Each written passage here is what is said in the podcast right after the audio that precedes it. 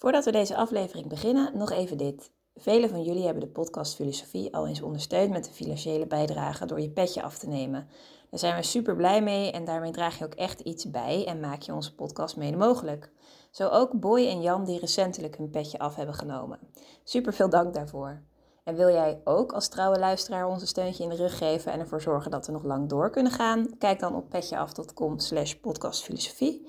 Daar vind je alle info en bijdragen kan al vanaf 3 euro per maand.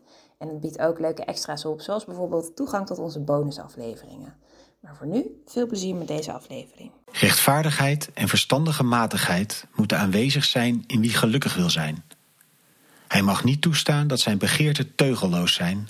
Hij mag niet proberen die te verzadigen door een roversleven te leiden. Zo drukte Plato het belang van de deugden uit voor het goede leven. Waarom is Plato zo'n eikpunt in de filosofiegeschiedenis? Wat was volgens hem het goede leven? En wat moeten we vandaag de dag met rechtvaardigheid, moed en verstandige matigheid? Over deze vragen en nog veel meer gaan we de komende drie kwartier hebben. De gast is Emma Cohen de Lara, de denker die centraal staat, Plato.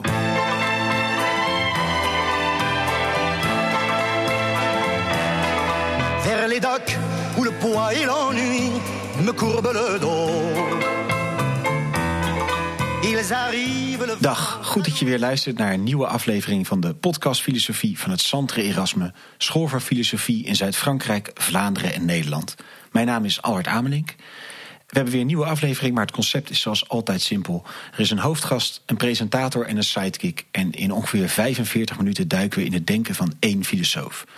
Vandaag zit ik in Utrecht. In Akkooi zit Judith Zwijstra. Hey Allard. Hoi, en in Amsterdam zit onze hoofdgast van vandaag, Emma Cohen de Lara. Zij is docent politieke theorie aan de Amsterdam University College en als research fellow verbonden aan het Amsterdam Institute of Social Science Research. Ze promoveerde op het laatste deel van Plato's dialogen, de wetten. Emma, welkom in de podcast. Dankjewel. Mooi dat je er bent. We gaan het hebben over Plato, waar je dus op gepromoveerd bent. Plato was een Grieks filosoof die leefde van 427 voor Christus tot 347 voor Christus. Hij was leerling van Socrates, leraar van onder meer Aristoteles. En hij wordt beschouwd als een van de, zo niet de belangrijkste filosoof van de Europese filosofische geschiedenis. En daar past altijd het mooie citaat van eh, Alfred Whitehead bij, de filosoof die we in een van de eerste afleveringen van onze podcastreeks bespraken. Namelijk de meest veilige algemene van de Europese filosofische traditie is dat deze slechts bestaat uit een reeks voetnoten bij het werk van Plato. Emma, um, even een grote vraag gelijk maar aan het begin, maar is dit een beetje een terechte duiding? En, en waarom is Plato zo'n mastodont in die uh, filosofiegeschiedenis? Ja, dat is een mooie vraag. Uh, in, in, ik, ik, denk dat, dit, uh, ja, dat de beschrijving accuraat is. En ik denk ook dat iedere filosofie-student zichzelf tekort doet als je Plato zou overslaan. En de reden daarvoor is denk ik dat hij in de eerste plaats een hele grote filosoof, zo niet de grootste filosoof is van de traditie. Uh, en daarnaast is het mede daarom ook zo dat uh, de meeste filosofen uiteindelijk in dialoog staan met Plato. En uh, in lange tijd in de traditie is het zo dat de filosofen Plato in veel opzichten volgen. En soms is dat op een soort van tweedehandse manier, omdat ze de werk van Plato zelf niet tot hun beschikking hebben. Maar dan pikken ze de thema's op via de Neoplatonisten, uh, uh, of bijvoorbeeld via Augustinus, die dan weer via de Neoplatonisten Plato's ja, inzichten tot zich neemt. Of uh, ze staan met Plato in dialoog omdat ze fundamenteel zijn inzichten afwijzen. En dan komen we eigenlijk aan bij de vroegmoderne tijd. Bij filosofen zoals Thomas Hobbes of René Descartes. En dan kun je zeggen van ja, dat zijn natuurlijk zeker geen Platonisten. Maar goed, ze ontwikkelen hun filosofie wel in contrast, in tegenstelling met Plato's ideeën. En ja, dus we kunnen eigenlijk niet om Plato heen. Laten we het zo stellen. En Emma, bedoel je dan met uh, dat hij de grootste filosoof is? Bedoel je dan dat hij zeg maar het meest. of een grote filosoof is? Bedoel je dan dat hij uh, super fundamentele dingen heeft gedacht? Of bedoel je misschien dat hij. Uh, over zeg maar, het hele spectrum van, van, van het leven of zo heeft nagedacht. Hè? Dus heeft hij over heel veel dingen nagedacht? Of heeft hij heel fundamenteel over enkele dingen nagedacht? Ja, het, is een goede vraag. Uh, Plato is zeker een hele, ja, ik zou zeggen, hele diepe filosoof of hele fundamentele filosoof, die echt wil doordringen tot de kern der zaken, de kern der dingen. En tegelijkertijd is het uh, geen zweverige filosoof. Je zou zeggen van nou, dan wordt het een hele theoretische filosoof. Maar ik denk dat het juist ook een hele praktische filosoof is. En wat hem zo groot maakt, is dat hij uh, dus, dus in staat is om, om heel diep te graven. Uh, en misschien ook wel daardoor alles in samenhang te zien. Dus het is echt een filosoof die uh, enorm, ja, je zou kunnen zeggen, synthetisch kan denken. Dus hij kan alles uit elkaar pluizen, maar hij kan juist ook alles met elkaar in samenhang zien. En dat maakt hem heel groot, denk ik. En, en ik denk een van de bekendste dingen die mensen van Plato kennen is naar de allegorie van de grot. Welke plek neemt dat in in zijn uh, denken?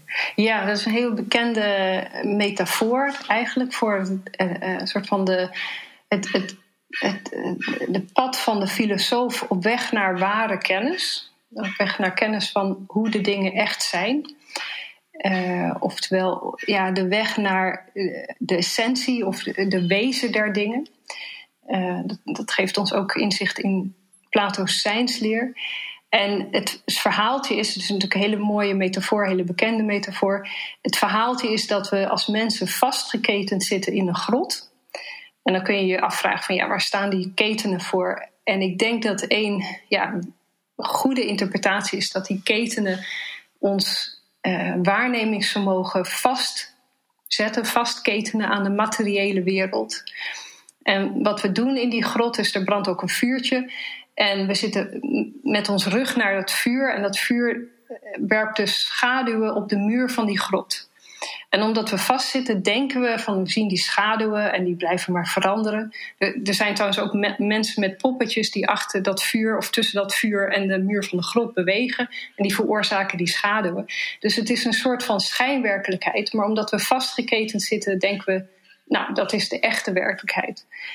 Totdat een van die ja, mensjes op de een of andere manier loskomt van uh, de keten, zijn, zijn ketenen, en de weg uit de grot en, ook eigenlijk de weg omhoog uh, gaat betrachten.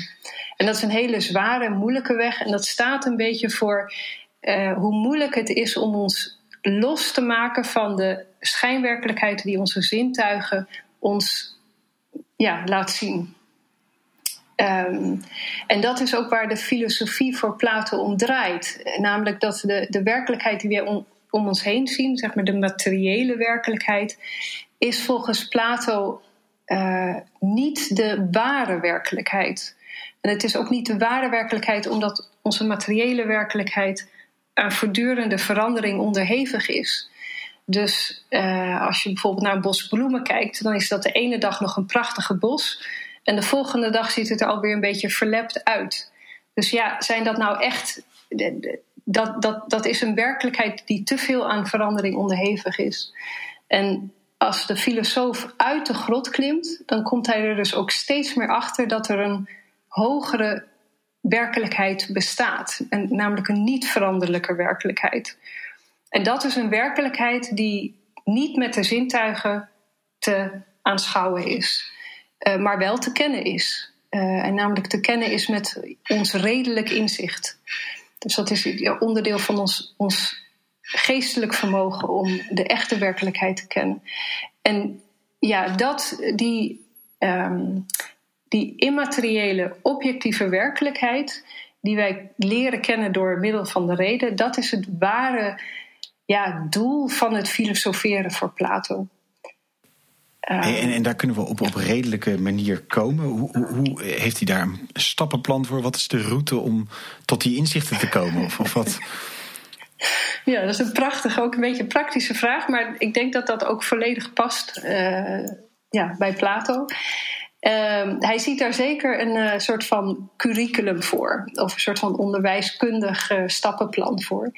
Het allerbelangrijkste is eigenlijk een moment wat een beetje aan het begin van die reis uit de grot gebeurt. En dat is, hij noemt het de periagoge, uh, oftewel de innerlijke ommekeer. En dat, dat klinkt een bij, bijna een beetje religieus en ik denk niet dat we het zo moeten opvatten. Het betekent dat uh, de mens zich op een gegeven moment beseft dat de materiële werkelijkheid niet alles is wat er is. En namelijk dat hij begint te beseffen dat, het, ja, dat, de materiële werkelijkheid slechts, een beperkte werkelijkheid is. En zich dus eigenlijk naar binnen keert en keert uh, en, zich richt op uh, de vorming van de geest. In plaats van het ja, de, soort van zintuigelijk systematiseren van wat hij allemaal aanschouwt met zijn zintuigen. Um, dus het begint met de innerlijke ommekeer. En de, ja, de, de vakken die daarmee samenhangen, zijn allemaal vakken die ook iets laten zien van die immateriële zijnsorde. En dat, ja, dat klinkt een beetje hoogdravig, maar heel praktisch in de, in de staat, in zijn Plato's belangrijkste werk, heeft hij het in de eerste plaats over de gymnastiek, de oefening van het lichaam, en vooral ook de kunsten. Dus de muziek uh, en de literatuur. Dat zijn vakken die ons helpen om een bepaalde orde uh, ons eigen te maken.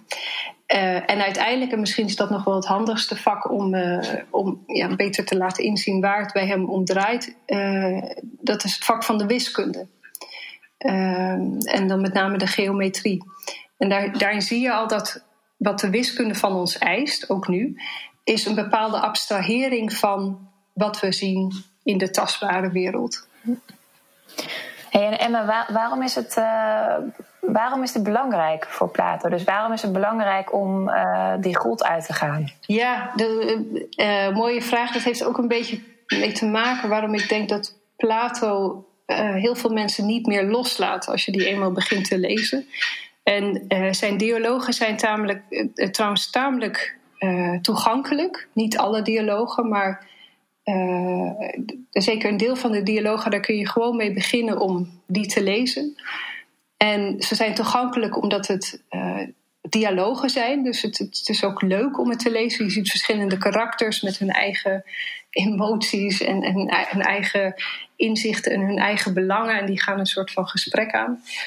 En eigenlijk alle dialogen die hebben te maken met vragen over het goede leven? Uh, en dat zijn dus eigenlijk vragen die, ja, ik denk heel dicht bij de mens aan zich staan. We, hebben, we denken allemaal wel eens na over van ja, wat, wat is eigenlijk het goede leven? En wat is ook een menselijk geluk? En heeft dat te maken met uh, consumeren? Of, of is er ook iets anders waar ik me toe wil richten? Ja, zou je dan zeggen dat het eigenlijk gewoon heel erg bij uh, mens zijn past of zo om met dit soort vragen bezig te zijn? Uh, en dus je zintuigen te overstijgen. Ja, um, de, dat laatste is wel Plato's antwoord. En nou ja, ik denk misschien dat het ook in onze tijd daar wel bij past. Kijk, we zijn natuurlijk tamelijk individualistisch in onze samenleving. We willen ons, zeker in Nederland, niet graag conformeren. Of in ieder geval, dat is een beetje onze, onze opvatting, onze ideologie.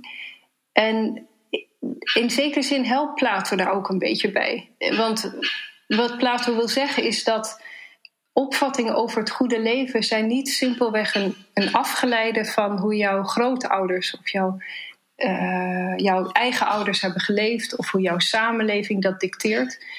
Uh, want het idee van zo'n ja, keer naar binnen, um, zo'n zo'n ommekeer naar het innerlijk, betekent dat er een hogere waarheid is die eigenlijk de normen en de opvattingen van de samenleving ontstijgt.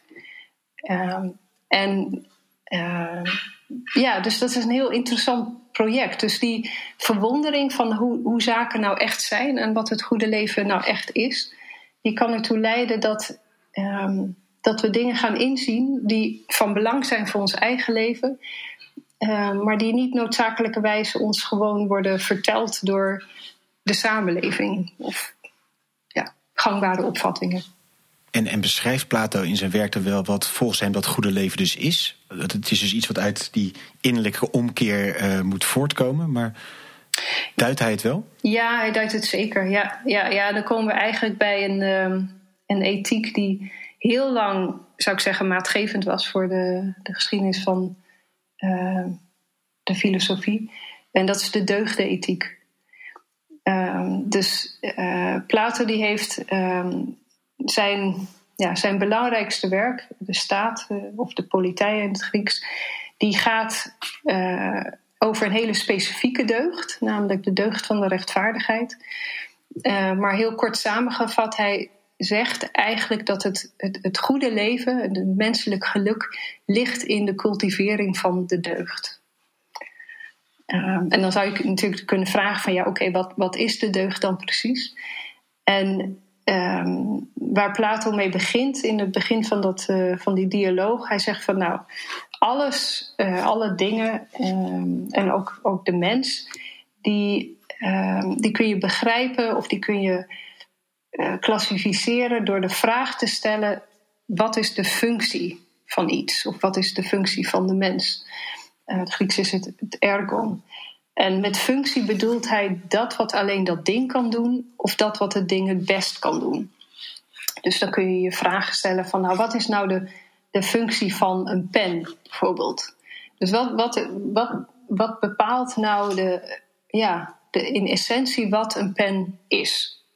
En dan kun je zeggen van, nou, dat wat een pen doet, en ik denk ook wel het beste doet, is het schrijven. Uh, dus die activiteit bepaalt wat in wezen een pen is. Als, dat, uh, als je begrijpt wat ik bedoel. Ja.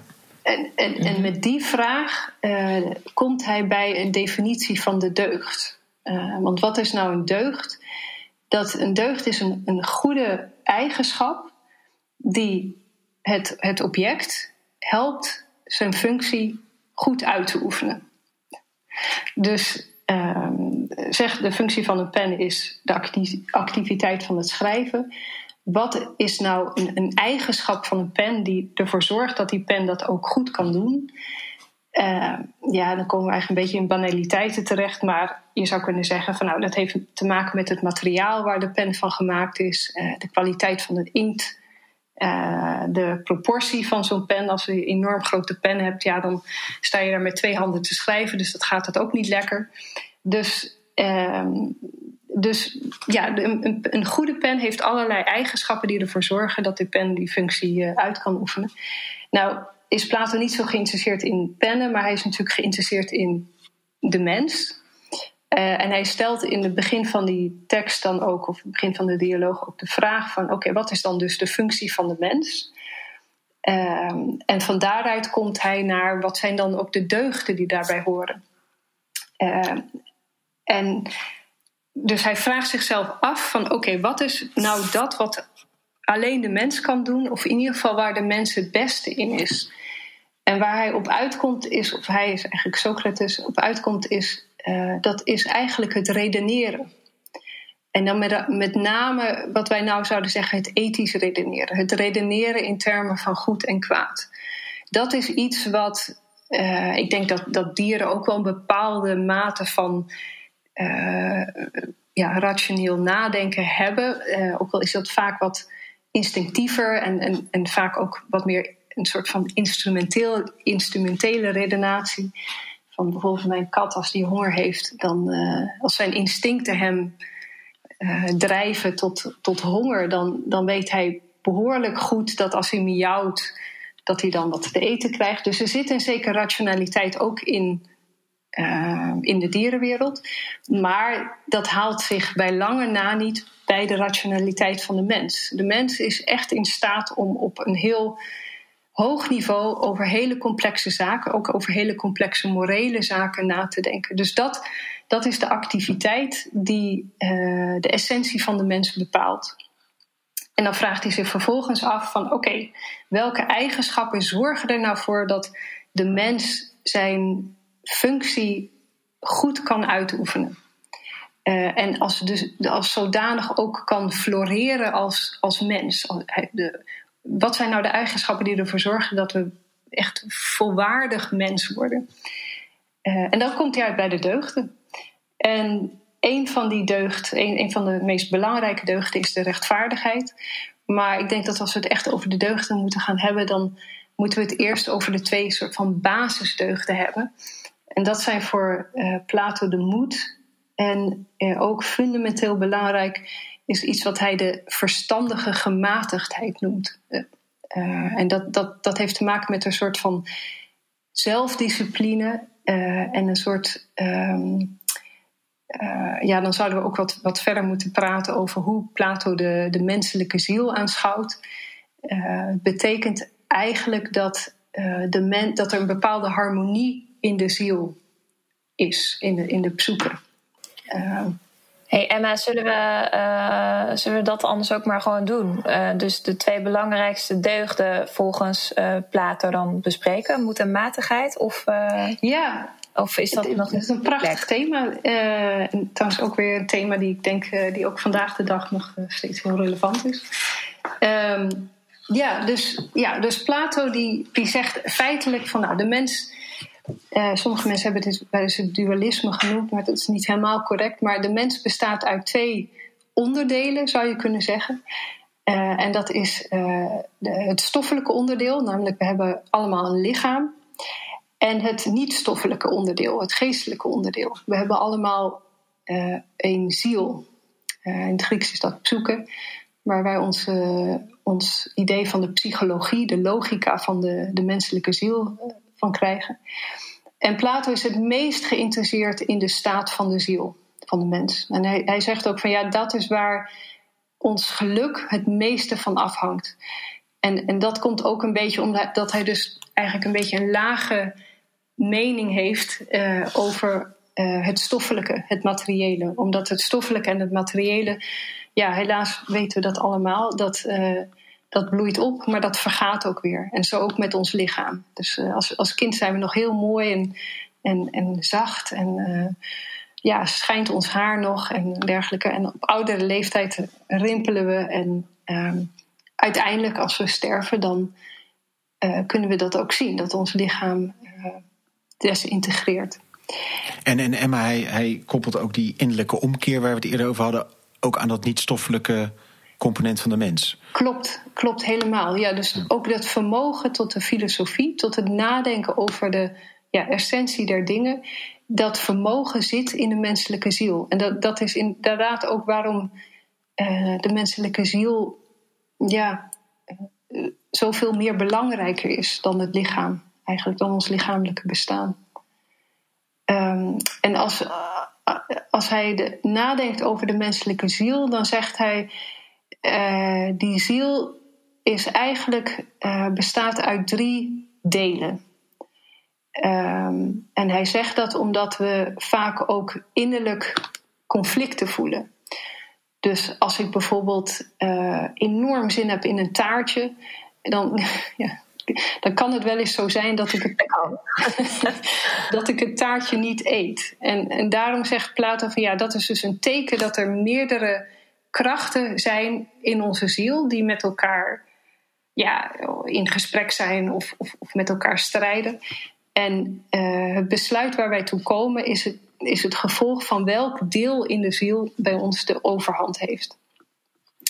Uh, en die drie delen, dat, dat is in de eerste plaats ons redelijk vermogen. Uh, in het Grieks is dat de logos, ons vermogen om te redeneren over zaken. In de tweede plaats, het tweede deel is eigenlijk een deel dat in de traditie soms een beetje ondergesneeuwd is. Uh, dat is een, een, een, hele specifieke emotie die wij hebben in onze ziel. En we kunnen dat ook wel duiden als de wilskracht. Dus dat is een bepaalde vorm van uh, ja, daadkrachtigheid of een bepaald gevoel van agressie eigenlijk bijna. Um, en het derde deel van onze ziel, dat zijn de emoties en de begeertes. En dat is ook eigenlijk het grootste deel van onze ziel volgens Plato. Maar als het gaat om de deugdzaamheid en, en dus ook om het goed functioneren van de ziel, dan is het belangrijk dat de reden samen met die wilskracht, samen met die ja, soldaat van de ziel, uh, regeert over de begeertes. Uh, en dat betekent niet dat, zoals in het meer stoïcijnse gedachtegoed, dat we onze, of, of bijvoorbeeld in het uh, boeddhisme, dat we onze begeertes uh, moeten loslaten. Maar dat betekent dat de reden eigenlijk als een soort van dirigent van het orkest over de begeertes als de muzici moet regeren. Hey, en Emma, die begeertes, zit dat dan zeg maar in het, in het lichaam? Nou, dat, dat zou je dan dat zou je denken. Um, uh, voor Plato is het heel duidelijk onderdeel van ons niet-lichamelijk zijnswezen. Maar het is wel zo dat we dat deel van de ziel hebben, omdat we in een lichaam zitten. Uh, en er komt natuurlijk vanuit het lichaam allerlei behoeftes die ervoor zorgen dat wij allerlei, ja, voor Plato niet stoffelijke begeertes ervaren in onze ziel. Maar dat is niet hetzelfde dan als dat derde deel in de ziel, de emoties, de begeertes.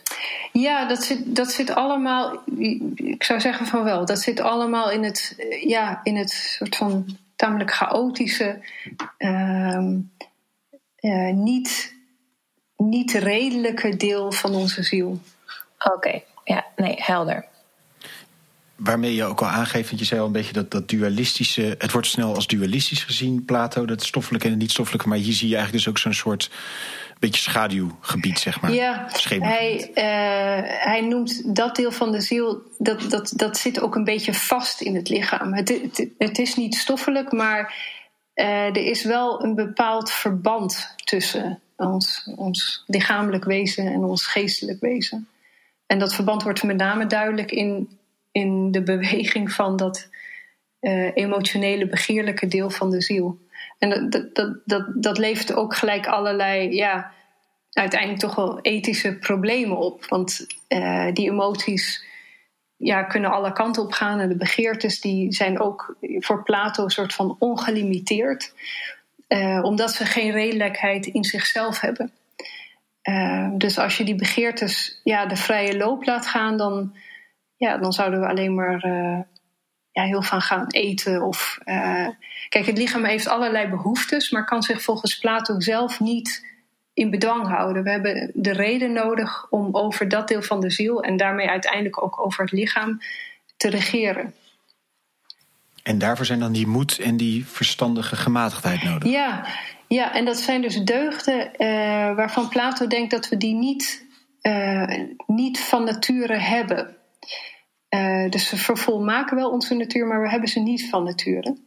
En uh, als je bijvoorbeeld ja, naar een, kleine neefjes en nichtjes. En daar, daar zie je ook dat met name die gematigdheid, de deugd gematigheid, nog behoorlijk ontbreekt. Laten we het zo zeggen. Dus uh, ja, als een kind een snoepje wil, dan wil het gewoon een snoepje. En het heeft nog niet die, um, het redelijk inzicht wanneer een snoepje wanneer het het juiste moment is en hoeveel snoepjes er dan gegeten moet worden en dergelijke. Dus die heeft nog die, die input, die steun van de ouder nodig om die begeerte in redelijke banen te leiden. Maar, maar hoe, hoe vaker een kind dat, dat ook doet, zeg maar, die, uh, een, redelijke keuze te maken over het hoeveelheid snoepjes, uh, hoe, hoe, hoe meer hij ja, het, inzicht in, in hoeveel is nou redelijk om tot met te nemen, zich eigen maakt. Dus gaandeweg ontwikkelt een kind en uiteindelijk een volwassen, kan een kind of een volwassene die uh, inzicht in de matigheid en, en ook de wilskracht die daarvoor nodig is, ontwikkelen. En die moed dan, want die gematigdheid die voel ik aan, denk ik, in, in die, uh, nou, die driften die een beetje getemd moeten worden. Wat is die moed Waarom is dat een belangrijke deugd? Ja, misschien dat we in onze tijd ook wat minder uh, met gematigdheid kunnen, denk ik, nog wat meer dan, dan met de moed. Um, de moed gaat in de eerste plaats niet zozeer over onze begeertes en over wat wij, ja, wat wij willen, maar in de eerste plaats denk ik over onze angsten. Uh, en onze angsten zitten ook in dat ja, uh, ik zou maar zeggen, dat onderste deel, dat grote deel van onze ziel. Uh, en dat heeft ook weer te maken met ons lichamelijk bestaan, want wij vrezen ja, met name dingen die ons lichamelijk uh, bedreigen. Dus armoede en uh, geweld, nou ja, noem het maar op. En de moed wordt ontwikkeld door middel van het inzicht in wanneer en wat en in welke mate en op welk moment die angsten gerechtvaardigd zijn. Uh, dus het kan heel redelijk zijn om iets te vrezen. En een, een moedig persoon zal ook bepaalde dingen zeker vrezen. Maar een moedig persoon ziet ook in welke dingen minder belangrijk zijn of welke dingen niet gevreesd hoeven te worden. En de moed zorgt daardoor, daarvoor ook voor een zekere standvastigheid. Dat is iets wat Plato, denk ik, enorm bewondert. Want het gaat niet alleen maar om angsten voor ons materiële welzijn, uh, maar het gaat ook om angsten om bijvoorbeeld de waarheid niet te durven zeggen. Of niet te blijven bij een standpunt waarvan je overtuigd bent dat het waar is. Dus er is ook iets eh, wat we zouden kunnen duiden als filosofische moed. Hey, en misschien Emma, uh, we, laat ik het anders zeggen. We zijn gekomen op moed en uh, matigheid eigenlijk uh, via rechtvaardigheid. Dat heb je even genoemd. Um, zijn deze deugden voor iedereen belangrijk en even belangrijk? Of of, uh, of zou je moeten zeggen dat van, nou ja, die rechtvaardigheid is wel echt gekoppeld aan mensen die bezig zijn met de staat draaien? Nou, laat ik het dan maar even zo zeggen. Uh, kan je daar misschien iets over zeggen? Over hoe, uh, ja, hoe belangrijk de deugden zijn voor, voor wie, zeg maar? Een heel goed punt. Uh, er is een beetje discussie over, uh, zoals er discussie is over alles in Plato. Omdat uh, Socrates in een van de stukken van Plato, de Apologie, zegt dat eigenlijk iedereen de ja, morele verplichting heeft om um, een reflectief leven te leiden. In het Engels, you have to live the examined life. En dus Socrates in, die zin is, komt eigenlijk tamelijk democratisch over. En we zouden ook kunnen zeggen dat uiteindelijk die deugden, zeker de, de gematigdheid en de moed, voor iedereen belangrijk zijn. Uh, in, in de zin dat het, ja, iedereen wil floreren als mens. En Plato geeft als antwoord erop van, nou ja, ga je deugden cultiveren. Maar uiteindelijk uh, is, zit hier ook een politieke component aan. En uh, ziet Plato heel duidelijk, zeker in die dialoog de staat, dat uh, de macht, en, en dat is ook zo in onze samenleving, hoe democratisch we ook denken, dat de macht altijd in handen is van een klein groepje mensen. En dat zijn niet alleen de politici en de staatsmannen, maar dat, ja, dat, je zou kunnen zeggen, er horen ook journalisten bij bijvoorbeeld, of misschien ook onderwijzers. Uh, maar uiteindelijk, oh, en, hele rijke mensen trouwens, die bezitten ook enorm veel macht in onze samenleving. En als voor een, een, goede samenleving, waar ook, waarin ook het goede leven mogelijk is, is het met name belangrijk voor de elite dat de elite de deugden ontwikkelt. Dus dat de elite uh, echt qua karakter uh, rechtvaardige mensen worden. Uh, en moedige mensen en gematigde mensen. Dus dat is zeker belangrijk. En ja, wij, letten daar, ook al denken we dat we soms de antiek een beetje achter ons hebben gelaten, we letten daar eigenlijk nog steeds op. Er stond laatst een, een artikel, dat was wel in de New York Times, maar over onze minister-president Rutte. Ik, vond het een beetje.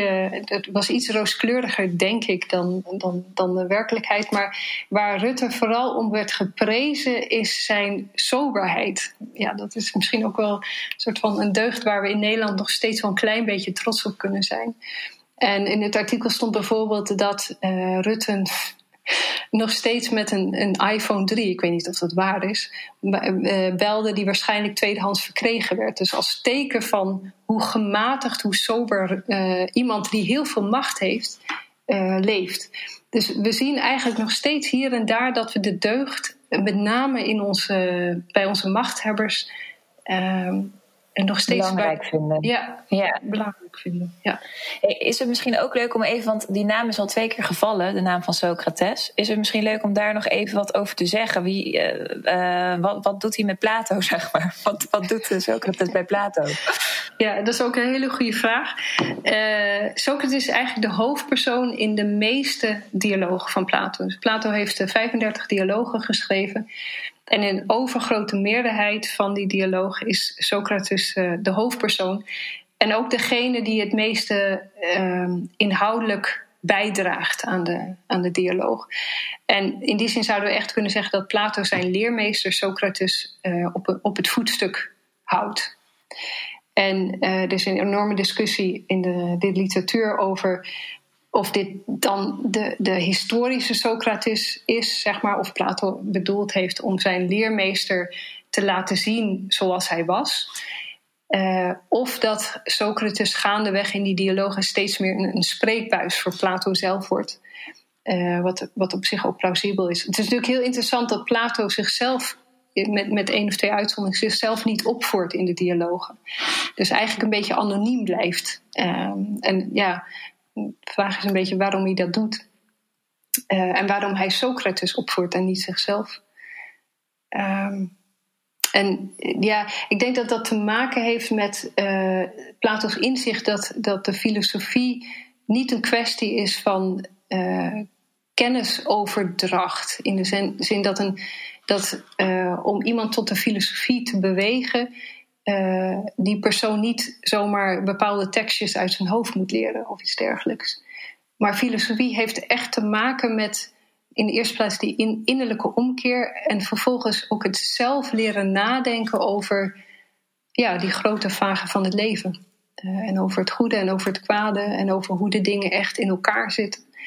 En uh, dus, dus Plato vraagt eigenlijk heel veel van de lezer. En één manier waarop hij dat hoopt te bewerkstelligen, denk ik, is door zichzelf niet op te voeren. Door wat uh, we zeggen, door zelf anoniem te blijven. Dus we kunnen Plato in die zin ook moeilijk als een soort van autoriteit gaan beschouwen. Want er is altijd weer de discussie van ja, is het nou Plato die dit zegt? Of, uh, of, of, is het specifieke personages die iets verkondigen, wat, wat het geval is? Ja, daarmee voorkomt hij eigenlijk dat hij een soort goeroe wordt die je kan navolgen, maar nodigt hij uit tot zelf het gaan van zo'n route. Exact, ja. We raakten er net al eh, even aan, Emma, de, de politieke kant ook van het denken van Plato. Zou je daar nog wat meer over kunnen vertellen? Je vertelde al, de, de, de deugden zijn dus extra belangrijk voor dat kleine clubje wat de macht heeft. Wat zijn verder gedachten van Plato over samenleving en politiek? Ja, ik denk, denk een van de interessantste uh, beschouwingen die we dan mee kunnen nemen is dat, dat is misschien ook een beetje het meer controversiële idee, uh, en dat is dat Plato geen democraat is. En dat, dat, dat kan ons als ja, moderne uh, denker, denkers en, en overtuigd van de gelijkheid en overtuigd van de vrijheid wel eens tegen de borst stuiten. Plato heeft een ja, is heel sceptisch over de democratie. en wat er voor hem ja, vooraan staat, is dat de politiek, goede politiek, moet geleid worden door zogezegd deugdzame een deugdzame elite. En dat het idee dat we allemaal in politiek opzicht gelijk zijn, dat dat een, uh, ja, ik zou zeggen, bijna gevaarlijk, gevaarlijke misvatting is over hoe een politieke orde kan bestaan. En is het zo dan dat die uh, de, de, de deugdzamen moeten leiden, of zijn er leiders die deugdzaam moeten zijn? Ik, ik denk allebei. Ja, ja dus de, de elite moet, moet deugdzaam zijn, uh, moet inzicht hebben in het goede, moet zichzelf onder controle hebben, uh, gematigd, moedig en ga zo maar door. Ze hebben daarmee ook een voorbeeldfunctie, dus ze kunnen niet alleen de juiste beslissingen nemen voor het geheel, en dat is eigenlijk waar de politiek om draait. je, je kunt zeggen, ze hebben ook een bepaalde voorbeeldfunctie, dus ze inspireren in zekere zin ook de deugd in de samenleving waardoor de hele samenleving uh, er beter van wordt, zou Plato zeggen. Um, dus ik denk allebei. Maar en, waarom is die elite de elite? Uh, is dat vanwege hun deugdzaamheid of is dat vanwege een andere oorsprong of orde? Ja, uh, hij, het, het, het, is zowel de deugdzaamheid als ook een zekere aanleg voor de deugdzaamheid. Uh, Plato ziet als niet uh, egalitaire denker ziet ook verschillen tussen de mensen. Dus er zijn nou eenmaal mensen die meer talent hebben voor het leren. Er zijn mensen die meer van nature al enigszins gematigd zijn. En hij probeert, um, en er zijn mensen, en dat is voor Plato ook wel heel belangrijk, die een, een, bepaalde natuurlijke ja, drive, of ja, Plato noemt dat de eros, een bepaalde natuurlijke, je zou bijna kunnen zeggen, erotische begeerte voor het kennen van de waarheid, erotische liefde voor de waarheid hebben. Uh, en dat zijn de, de mensen die ja, het in zich hebben om filosoof te worden. Uh, en dat zijn dan uiteindelijk ook de mensen die uh, het verdienen om macht uit te oefenen. Omdat zij zich toegelegd hebben tot het kennen van ja, de zijnswoorden, de natuurlijke zijnswoorden. En uiteindelijk ook eh, tot het kennen van het goede. Ja, en daarmee dus ook het beste zijn voor de samenleving als geheel. Ja. Op die manier. Ja. Hey, als we dan, uh, we hebben gezegd, Plato zo extreem invloedrijk inderdaad. Nou, ik denk dat we wel hebben gehoord, zowel zijn diepte in zijn denken als ook de enorme breedte die het vervolgens beslaat van ethiek en politiek en zijnsleer en zo. Um, wat uh, ik denk, we kunnen ze nu even twintig eeuwige filosofiegeschiedenis doornemen. Dat lijkt me lastig. Maar als we naar het heden gaan, echt zeg maar. Wat, wat zijn nou de meest relevante dingen die we nu met Plato kunnen? Dat, dat democratische element ligt ons minder. Ja. Waar zou je zeggen, nou, dit is echt waar, dat, waar Plato nog steeds de, de kern van ons bestaan iets kan zeggen? Ja, ik, ik, ik lees Plato dus als, als een filosoof die um, ja, de vraag naar het goede leven uh, we hebben het daarover gehad, fundamenteel beantwoord met uh, de, uh, de noodzaak tot het ontwikkelen van de deugden. En ik vind het jammer eigenlijk dat in, in onze samenleving het woord deugd een beetje, ja, voor zover het nog gebruikt wordt, een beetje een ja, spruitjeslucht heeft gekregen, zeg maar. Of een beetje van, ja, wil je dan terug naar de jaren 50 of iets dergelijks. Terwijl ik Plato zelf ja, in zekere zin is hij conservatief, uh, omdat het goede behouden moet worden. Maar uh, hij is in zekere zin ook heel radicaal in zijn denken. Uh, en zegt van ja, we moeten niet zomaar blind achter de gewoontes en conventies van onze samenleving achterna lopen. En in dat opzicht denk ik dat we in onze huidige samenleving, we leven, ja, hoe we het ook wenden of keren, echt in een enorme consumptiemaatschappij waarbij uh, de politiek eigenlijk meer om de economie draait. En waarbij uh, het, het hoogste goed is dat we onze behoeftes kunnen bevredigen.